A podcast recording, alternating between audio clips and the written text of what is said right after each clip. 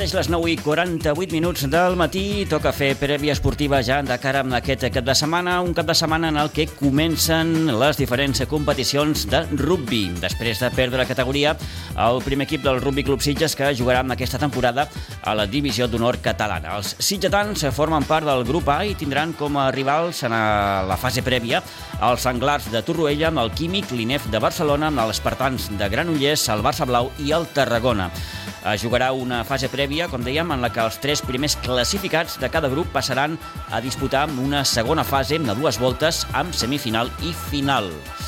El debut del Rugby Club Sitges, recordem, serà demà dissabte davant el Club Rugby Tarragona, un partit que jugarà al camp de la Laboral de Tarragona a partir de les 4 de la tarda. Hem pogut parlar amb Isaac Richmond, amb l'entrenador del Rugby Club Sitges, un dels entrenadors del Rugby Club Sitges, de les sensacions de cara a aquest inici de temporada i dels objectius, tenint en compte els canvis importants que ha sofert la plantilla. Tenemos un equipo muy diferente. La semana pasada en el amistoso, como Santa Tecla, y, uh, bajas y todo esto.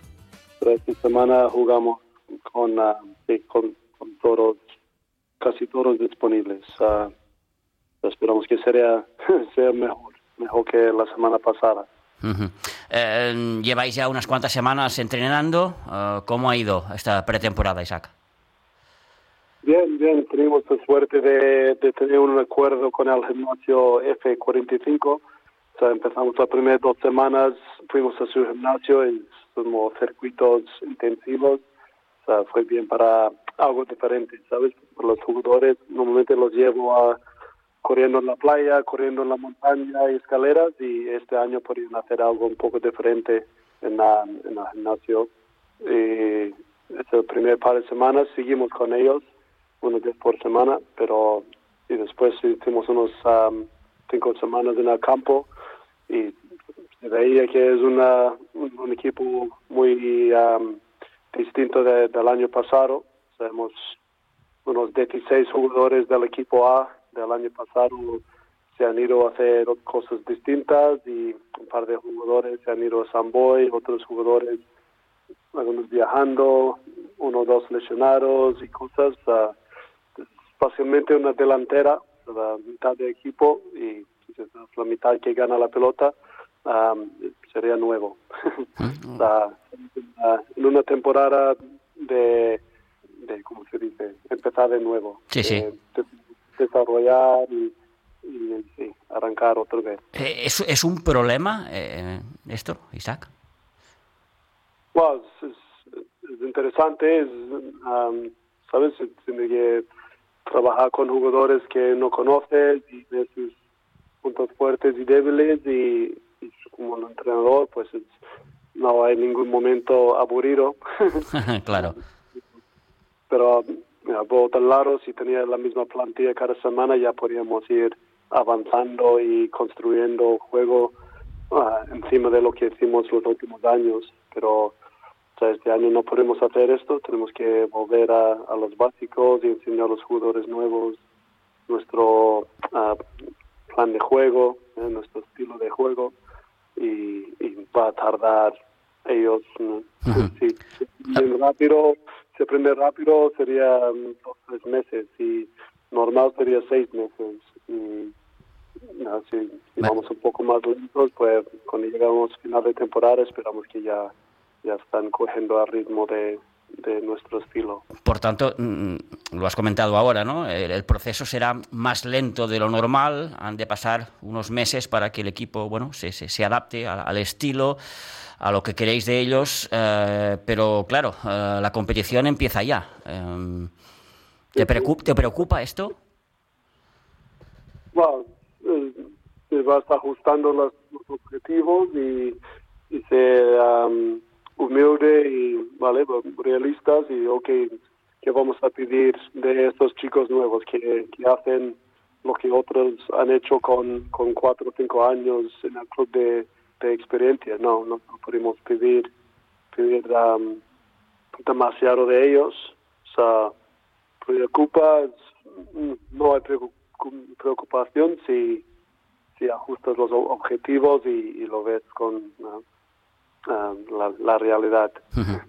Eh, por tanto, a partir de, todo esto, Isaac, un poco el objetivo, ¿cuál sería? Teniendo en cuenta que eh, es competición nueva, estáis en División de Honor Catalana después del descenso del año pasado.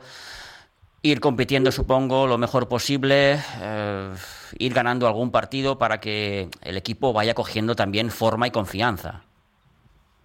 Sí, sí, sí, tenemos esto a ver cómo van los otros clubes, quizás si todos están en la misma situación que nosotros, podemos ir por la liga, ganarlo y volver a subir.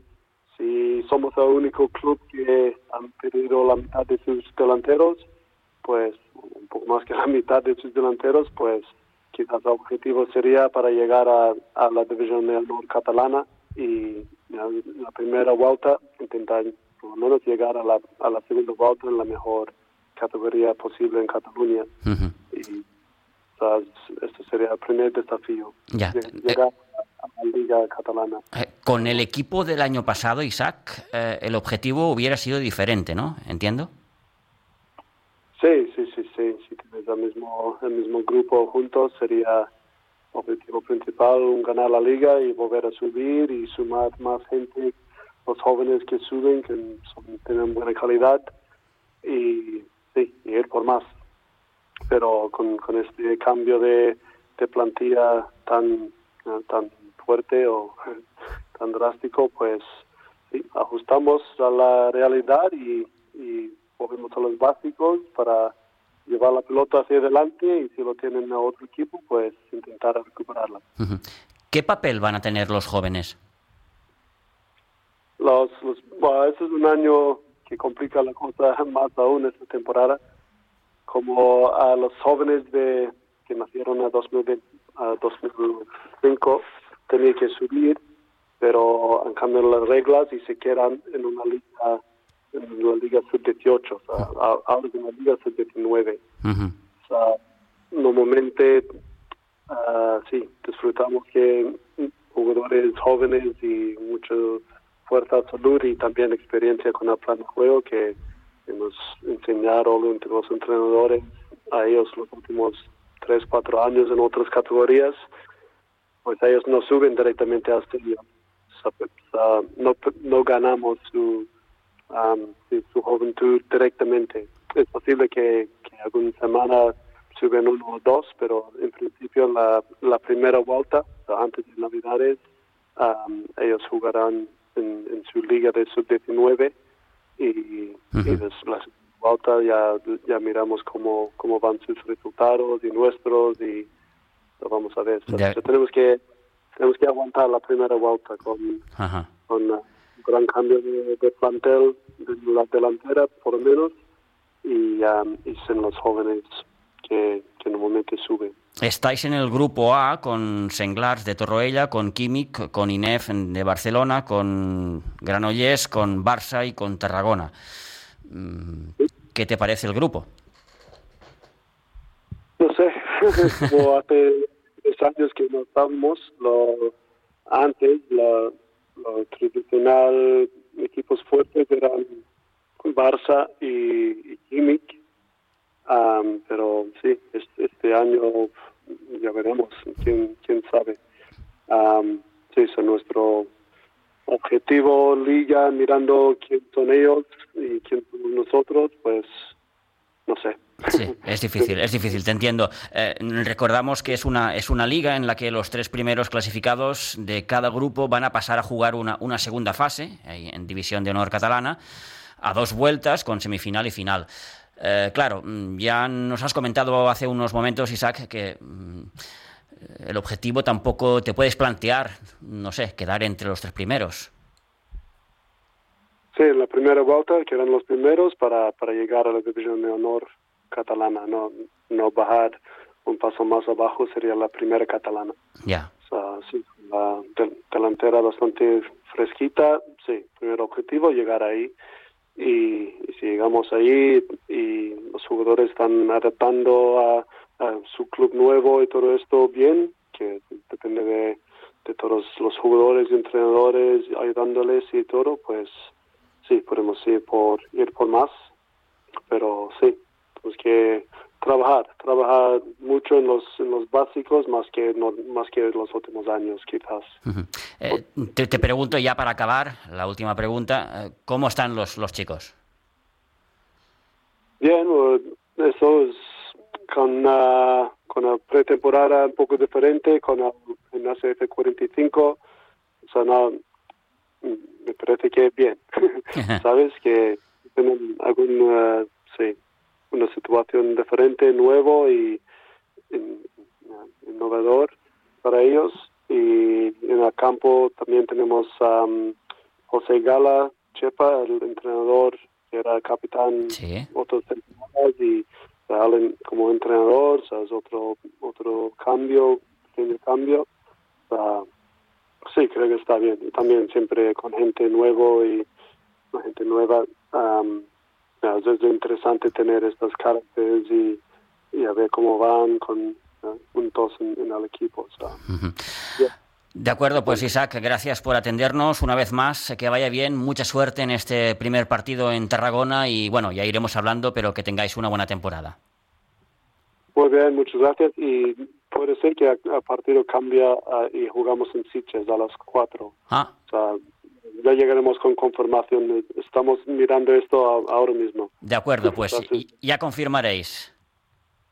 Muy bien. Gracias, Isaac. Un abrazo. Muchas gracias por la llamada.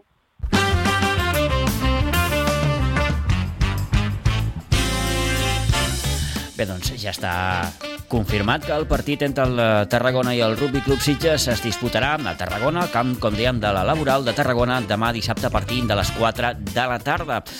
Veurem com, com va aquesta temporada, com ens anunciava Isaac Richmond, amb aquests canvis a la plantilla, eh, bé, amb, amb, amb nous membres a l'estaf tècnic, amb la incorporació de l'exjugador José Antonio Gala, i per endavant doncs, aquest repte d'intentar, com a mínim i d'entrada, classificar-se entre els tres primers eh, de la taula per poder accedir a la segona fase a la divisió d'honor catalana. També debuten aquest cap de setmana els equips de les categories inferiors al Rugby Club Sitges. El Sub-18, per exemple, rebrà demà el Club Rugby Tarragona a partir de les 6 de la tarda aquí al camp de Pinsbens, el polivalent de Pinsbens, i per la seva banda el Sub-16 s'enfrontarà a l'INEF de Lleida. Ho farà demà dissabte al camp de rugby de Pinsbens a 3 quarts d'una del migdia, mentre que el Sub-14 s'estrena demà dissabte jugant al Valdiri Aleu contra la Sant Boiana a un quart de dues.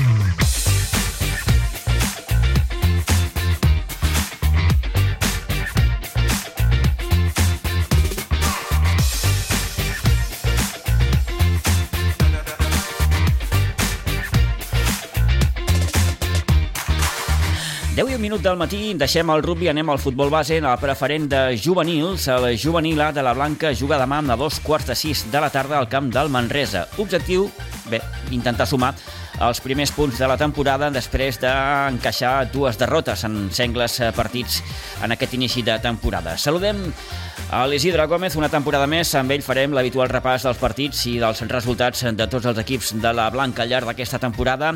Isidre, bon dia, bona hora. Hola, molt bon dia. Què tal? Bé, amb calor encara. Amb calor encara. I diuen que en farà una miqueta més aquest cap de setmana, però amb calor hem començat i, vaja, no sé si dir que amb calor acabarem quan, quan enfilem ja al final de la temporada. Bé, com dèiem, i si ens centrem bàsicament en, en, en el juvenil A, eh, Isidre, no ha començat bé la temporada amb aquestes dues primeres derrotes. Demà a intentar esgarrapar, mal que sigui, un, un, un puntet a Manresa. Sempre, però el que passa que serà difícil perquè, segons m'han dit els tècnics, són un dels aspirants a, a pujar, aquest Manresa B. Uh -huh. Llavors, bueno, eh, aquests primers mesos com, és com cada any, que pujar nanos de, que han estat competint a segona divisió, pujar-los a preferent, agafar l'aire a la categoria, que és una categoria forta, que hi ha trobes equips que, que hem nanos que, que segurament en un futur seran professionals, pues costa, costa. Llavors, clar, encara, diguem, encara estem en formació. Uh -huh. Per tant, una mica de calma, una mica de paciència. Sí, aviam, eh? sabem que 3, 4, 5 setmanes encara potser estarem a, cap avall i després ja passarà que, com els altres anys, que anem una miqueta cap amunt i mirar de no patir com l'any passat, que vam afluixar cap al final i, i quasi, quasi ens costa un susto. Eh, també cal dir, Isidre, que hi ha nou cos tècnic, el Joan Ilà, el que encapçala el Josu i el, i el Carles Reina, per tant, aquí Clar. entre tots, eh, evidentment... Han de conèixer els nanos, Sí, sí, sí, els nanos s'han de conèixer els amb ells i, bueno, fer tots una, una bona pinya per, per, per, per tirar això endavant. Bé, serà complicat, però com a mínim s'ha d'intentar demà, com dèiem, a dos quarts de sis de la tarda, amb el camp del Manresa, com deia l'Isidre, com apuntava l'Isidre, un dels aspirants a, a l'ascens de, de categoria. Esperem que el sigui accidental. Sí, perquè no, i escolta'm, eh, va ser allò un bon debut, eh? Sí, sí, no, i, i, i un bon susto que van tenir. eh? Clar, clar, clar, clar. Perquè després veus les fotografies de com va quedar la roda de, del segon autocar i, Sí, sí. i feia, feia fredor. És que és allò, no va ser un, van ser dos. Sí, sí, dos incidents Sí, sí. en poc rato, i dius, ostres, Bé. no, no, En farem que no, vinga. eh, Deixem-ho en l'anecdotari. Eh, hem començat per aquest eh, partit del juvenil A, a la preferent, però tenim, com sempre, la resta d'equips. Han començat tots ja, Isidre? O... Aquesta setmana comencen tots. D'acord, vinga, doncs. I, que, i a més aquest any serà llarg perquè tenim quatre equips més, o sigui que ens hi estarem un, un ratet. Vinga, Molt bé. anem. Vinga, som-hi. Per ordre, comencem pel, continuem pel futbol 11, el juvenil B ens jugarà demà dissabte a les 7 de la tarda a Pinsbens contra el base Vilanova 2015, el cadet B diumenge a les 10 del matí al camp del base Olèrdola A, el cadet B també diumenge a Pinsbens a les 12.30 contra el Vinyets Molivell A, i el cadet B també diumenge a les 9 del matí contra el Sitges B a Pinsbens. En categoria infantil, a l'infantil A ens jugarà demà dissabte a les 5 de la tarda a Pinsbens contra el Corbera A. A l'infantil B diumenge a les 11 del matí eh, derbi contra el Sitges B a, Muni- al Nou Pinsbens i finalment el C diumenge a les 10.30 contra el Vilanova i el Geltrué al municipal del Parc del Garraf. Ara bé, anem a la categoria sub-C, que aquest any és la, la que té el suc. Aviam, a l'Evi sub-12A, dissabte a les 10 del matí contra el Riu de Villes A, al municipal de Sant Pere Riu de Villes. El sub-12B, dissabte a les 13.30 a Pinsbens contra el Sitges B. El sub-12C, el dissabte a les 12.30 contra el Vinyets Molivell al municipal de la Parellada de Sant Boi. El sub-12D, dissabte a les 12 del migdia a Pinsbens contra el Mascatarro A. Categoria sub-11 a l'Evi sub-11A, dissabte a les 10.30 del matí a Pinsbens contra el Sant Sadurní A. El sub-12 sub-11B, diumenge a les 10.30 al camp del Martorell D. Categoria Benjamí, sub-10A, dissabte a les 13.30 a Pinsbens contra l'Escola de Futbol Gavà B. El sub-10 B, diumenge a les 10.45 a Vil- contra el Viladecans A, a- al municipal de Viladecans. El sub-10 C, diumenge a les 11, també contra el, el camp del Viladecans contra el Viladecans B. Categoria sub-9 A, dissabte a les 13.45 al camp de la Fundació Unió Esportiva Cornellà C. El sub-9 B, dissabte a les 12 del migdia al camp a, a Pinsbens contra el Castelldefels C. I finalment el debut del sub-8, el prebenjamí, dissabte a les 10.30 a Pinsbens contra l'Igualada. I començarem els partits de seleccions dels promeses i pitufos, que aquest any en tenim una, una bona collita des de l'inici. Molt bé. Déu-n'hi-do. Ja ho veieu que aquest any és una mica complicat amb això, amb els subs 12, subs Sí. 11, subs 10, subs Veig, 9... veig que cada categoria ho han desglosat allò també per, per, per franges d'edat. Hi ha l'Aleví el 12, l'11, el sub-12, el sub- sub-11, en fi, que déu Sí, nhi déu sí. I espera que l'any que ve, si tot va bé, serà l'infantil. Mm. Llavors també suposo que seran els infantils sub no sé què, sub 13, sub 14. Allà sí que estarem, estarem, estarem distrets. Ui tant, ui tant, ja ho pots ben dir. Molt bé, Isidre, doncs amb aquest repàs de partits eh, pel que fa als equips de la Blanca hem començat aquesta nova temporada. Agraït, com sempre, que vagi molt bé i bon cap de setmana. Igualment, gràcies a tots. Adéu-siau.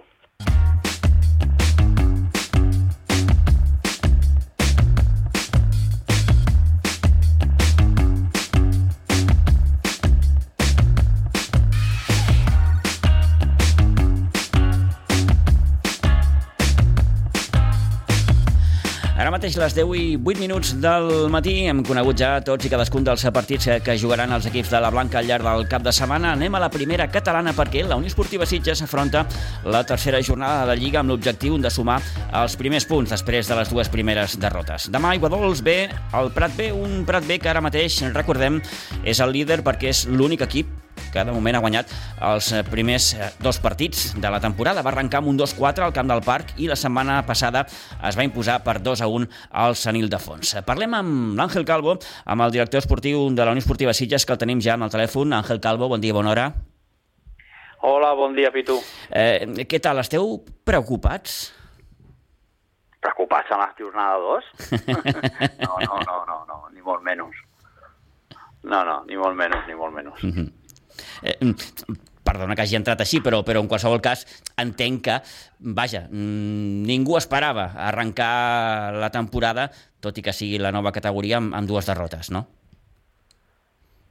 Bueno, això és primera catalana. Mm. Eh, al millor la que sí que no s'esperaven era la de la setmana passada contra el Vilafranca, eh, que bueno, que és un partit que pots perdre, però crec que no 3 a 0, al 0-3, això sí, però l'altre dia pues, sí que a, a Martorell van competir força bé, crec que el més just era l'empat, però bueno, ens van encaixant al 87, i bueno, però l'equip a mi m'ha agradar. Diumenge passat o sigui que preocupat gens perquè les sensacions no són, no són dolentes. Eh, I sí que és cert, eh, com, com ha repetit eh, insistentment el, el míster, el Toni Salido, aquestes últimes setmanes, eh, que, eh, òbviament, aquests primers resultats negatius venen molt, molt condicionats òbviament, pel que ha estat la pretemporada, no? una pretemporada molt més exigent del que és habitual, amb una Copa Catalunya en disputa, amb baixes de, de jugadors que teòricament han de ser importants o són importants, tot això ho hem, ho hem de posar dintre d'aquest sac. Clar, per això, per, per, això, per aquestes eh, casuístiques, eh, precisament no estem gens preocupats. Mm. Eh, si tinguéssim els 21 disponibles, haguéssim fet una pretemporada bona, eh, sense Copa Catalunya, em refereixo, amb, amb, quali, amb, amb igualtat de càrregues a tots els jugadors, i per com no ha sigut així, eh, el més normal, i és el que suposo que ocorrirà, és que anem de, me, de, de menys a més. Mm -hmm. Una llàstima, eh?, no haver pogut guanyar la Copa Catalunya.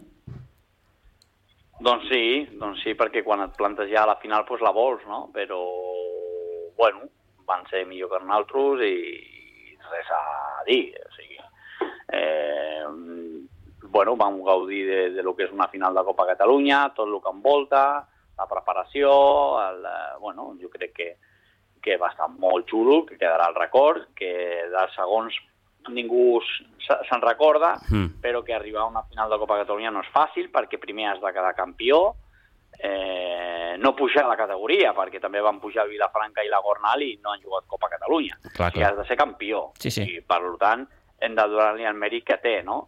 eh, i després pues, passar unes, unes fases on, on les has de guanyar partit únic tot de visitant, que ens va tocar tot de visitant, i, bueno, i plantes a la final amb la màxima il·lusió, però, bueno, clar, amb un rival pues, com tu, que també va ser campió de segona catalana amb ascens a primera, i que, bueno, van perdre 2 a 1 i, i bueno, i, i res a dir. Uh -huh però que eh, van gaudir molt. Mm, s'ha gaudit i, i, i s'ha patit, òbviament, perquè a ningú li agrada perdre, però eh, la temporada ja, ja ha arrencat amb aquestes dues primeres derrotes. Àngel, i fixa't el partit de demà amb el Prat B. Com, com, com el veus? Bueno, pues, eh, pues com qualsevol partit a casa l'hem de guanyar. A casa hem de fer-nos forts, oblidar ja lo, la patinada del Vilafranca.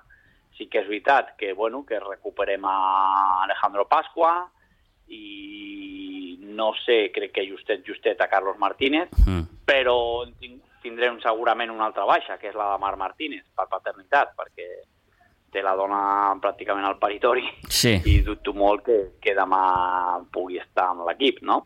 El eh, primer, el primer, eh, està a punt de, ser, de, de, de, de gaudir d'una de les coses més boniques de la vida, no? que es separa. Òbviament. I d'aquí desitjar-li que tot vagi eh, de fàbula i que tinguin aviat a la seva nena i, i bueno, i per això dic que bueno, recuperem a Pasqua però perdem un altre pes important darrere com és el Marc Martínez. Uh -huh. Un altre, home, bueno, sí, sí, un altre home important com és Rovira ah, encara no, no, no està a punt. No, Rovira encara li faltaran dos o tres setmanetes més, uh -huh. perquè té, va tindre un trencament de dos centímetres i encara li quedaran un parell de setmanes bones. Uh -huh. eh, si et pregunto pel paper de l'equip aquesta temporada, Àngel? El paper de l'equip? Sí. Pues, eh, consolidar-se a la categoria i, i, i no ser un equip eh, que tingui que patir per, per mantenir la categoria, ni molt menys. Mm. Sí, sí. Aquest seria el paper que, que demanem, que tenim com a objectiu, i en quant al senyor A i en quant al senyor B, pues, eh, està clar, l'objectiu és l'ascens. Aquí volia anar, eh, una miqueta ja les declaracions que va fer mm, aquí a la ràdio en el seu dia amb l'Àlex Villa, el míster, a l'estiu, encara no havia començat ni la pretemporada, ho va dir clarament, eh, hem d'anar una mica més enllà. I anar una mica sí. més enllà vol dir, vol dir l'ascens. Vol dir pujar, mm. eh, com a mínim jugar una promoció d'ascens, sí, correcte portem dos anys amb el filial eh, tercera posició, tercera posició, i millorar això doncs, és eh, segon o primer. I aquest any el segon té el premi de jugar una, una promoció d'ascens. Per tant, eh, l'objectiu és aquest, eh, s'ha treballat per això, s'ha fitxat per això, i no s'amaguem, igual que quan li tocava a l'A i l'objectiu era que la tenia que pujar, doncs ara li toca al B. Eh, som ambiciosos, sabem que és difícil, tothom vol pujar, Ribas té un bon equip, Fàtima té un bon equip, eh, ni en Baix, Riu de Villa tindrà un bon equip, però bueno, mm, nosaltres també, i per tant, eh, els objectius estan per intentar assolir-los. Uh -huh. Eh, torno, si em permets, al primer equip. Eh, fins a quin punt fins a quin punt eh, va afectar, entre cometes, el fet que jugadors que inicialment doncs, estaven contemplats a la plantilla, com Dobles i Cubedo, mm, ara no hi són? Bueno, aquestes sí que han fet mal, aquestes baixes, mm. perquè a més era, tenien que ser dos homes importants. Per això, per això. Eh, que ens agafa pues, a final d'agost, on ja... Eh, no, a meitat d'agost, eh, quasi començat la pretemporada recentment, i per dos motius diferents, no? Un la dobles per motius personals, eh, no és que hagi anat a, a jugar cap equip, bueno, de fet té fitxat a la, a la Unió Esportiva Sitges, uh -huh. no sé, imagina't, no? Que no ha demanat ni la baixa perquè no, no són temes personals, que ell ha d'arreglar i desitjar-li el millor i que el, el Guadol serà casa seva. Ojalà, pues, a, cap al Nadal o qualsevol època de la temporada poguessin dir que, que Dobles torna a l'equip, no? I el tema de Cubedo, bueno, pues, eh, li arriba l'opció d'anar a la Kings League. Eh, ah, i la Kings League. Eh, sí, ell vol, ell vol aprofitar-ho, eh, que li feia molta il·lusió i, bueno, i, sí que és veritat que, que parlant malament doncs és una putada perquè, perquè bueno, Cubedo tenia que ser una dels homes, un, un dels homes forts de la, de la defensa. Uh mhm. -huh. eh, quina opinió et mereix tot això de la Kings League? T'ho pregunto perquè hi ha hagut ja algun club que, que, que ha aixecat una miqueta la veu en aquest sentit. Bueno, jo crec que la Kings League ha, ha arribat al, al, a, al, al món del futbol per quedar-se mm. I, i, i tindrem que convindre, eh, conviure amb això. Eh, no m'agrada, perquè no m'agrada, perquè és un altre competidor, no? Sí, sí. Eh, molt gran, molt gran, i que apunta sobretot a jugadors en les categories a les que estem, no? Segona, primera catalana, tercera ref, eh, per tant, si tu tens bons jugadors, eh, pues és fàcil que, que pugui eh, passar el que l'ha passat a, Cubedo o al Carlos Contreras o a jugadors eh, d'aquesta índole que, que, que, bueno, que són bons jugadors i que pues, ara és un... És, és apetitiu. Sí, sí, se senten atrets per, per, per poder jugar, sí, sí. Clar, i llavors, bueno, pues, pues, pues, pues igual, pues, un rival més. Pues mm -hmm. Igual que quan tens un rival que eh, t'ha fotut un jugador perquè ha anat a un altre equip, pues la Kings League serà un, un més. Mm -hmm. Bé, en qualsevol cas, la realitat d'aquí és una altra i, com dèiem, demà, a partir de quarts de sis, aquí a Aiguadols, ve el Prat B, eh, un dels bons rivals, vaja, diria, m'atreveixo a dir que aquí tots els rivals són bons i, i caldrà picar molta pedra per consolidar aquest objectiu que ens comentava l'Àngel Calvo de vaja, d'entrada no patir i fer eh, una bona temporada que consolidi l'equip en, aquesta, en aquesta nova categoria. 10 i 18, amb el director esportiu de la Unió Esportiva Sitges hem volgut, mal que sigui, fer una primera aproximació ara que ha començat la, la temporada i li agraïm que hagi compartit aquests minuts amb nosaltres. Àngel Calvo, moltes gràcies, que vagi molt bé. Gràcies a vosaltres. Adéu, adéu-siau, bon dia.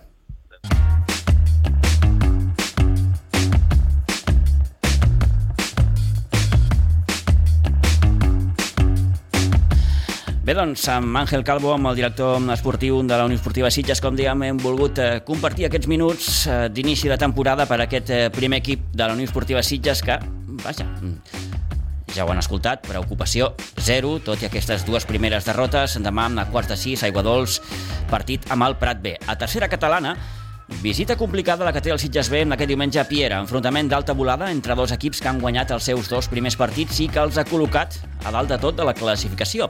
El conjunt d'Àlex Villa, que té ara el repte de treure un bon resultat d'un camp històricament complicat, com és el d'un Piera, que, com dèiem, ha tingut un bon inici de Lliga guanyant els dos primers partits. Va guanyar 2 a 1 a l'Olivella a la primera jornada i ve de 1 a 5 al camp de la Penya Jove a la darrera jornada. El Piera Sitges B, recordem, eh, jugarà aquest diumenge al municipal de Piera a partir de les 12 del migdia, amb aquesta tercera jornada que també ens porta el derbi entre el Ribes i la Penya Jove demà dissabte a les 5 de la tarda. El Ribes que, per cert, visitarà Iguadols la propera jornada per enfrontar-se amb el Sitges B i l'Olivella que visita demà el camp del Riu de Villes, també en partit que jugarà a les 5 de la tarda.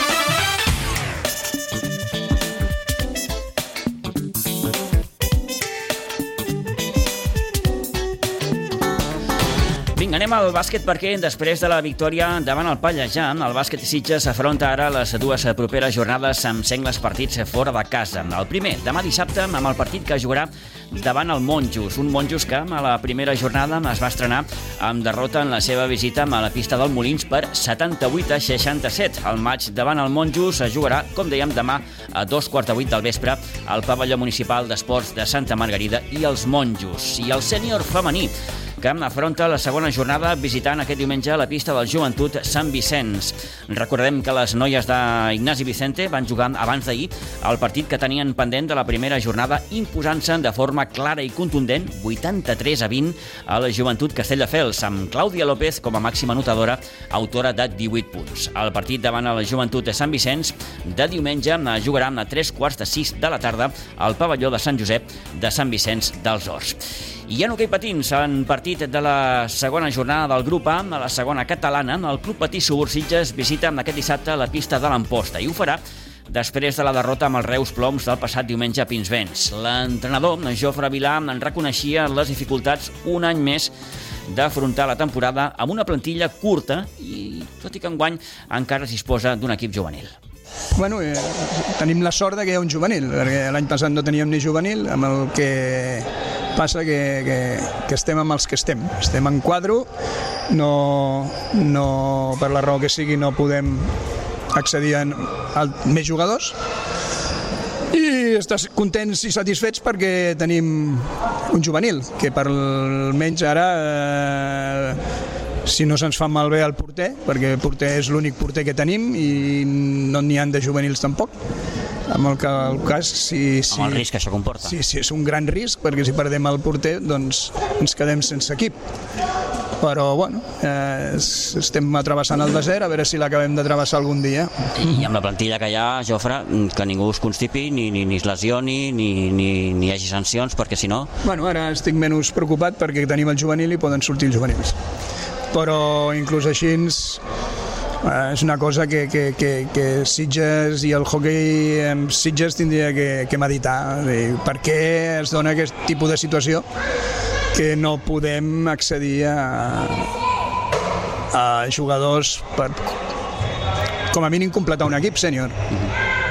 Objectiu, per tant, de mínims, per, almenys pel que fa a l'equip sènior. No, no, l'objectiu és el mateix de l'any passat, o sigui, continuar passant el desert i esperant a que els jugadors de la base doncs, vagin creixent i i anar introduint aquests jugadors i a veure com, com ho podem acabar. Bé, doncs, continua aquesta travessa pel desert, com apuntàvem en Jofre Vilan. El rival de demà, l'Amposta, recordem, va arrencar la temporada amb un empat a 4 a la pista del Vendrell a la primera jornada. El partit es jugarà al pavelló municipal d'Amposta a partir de les 8 del.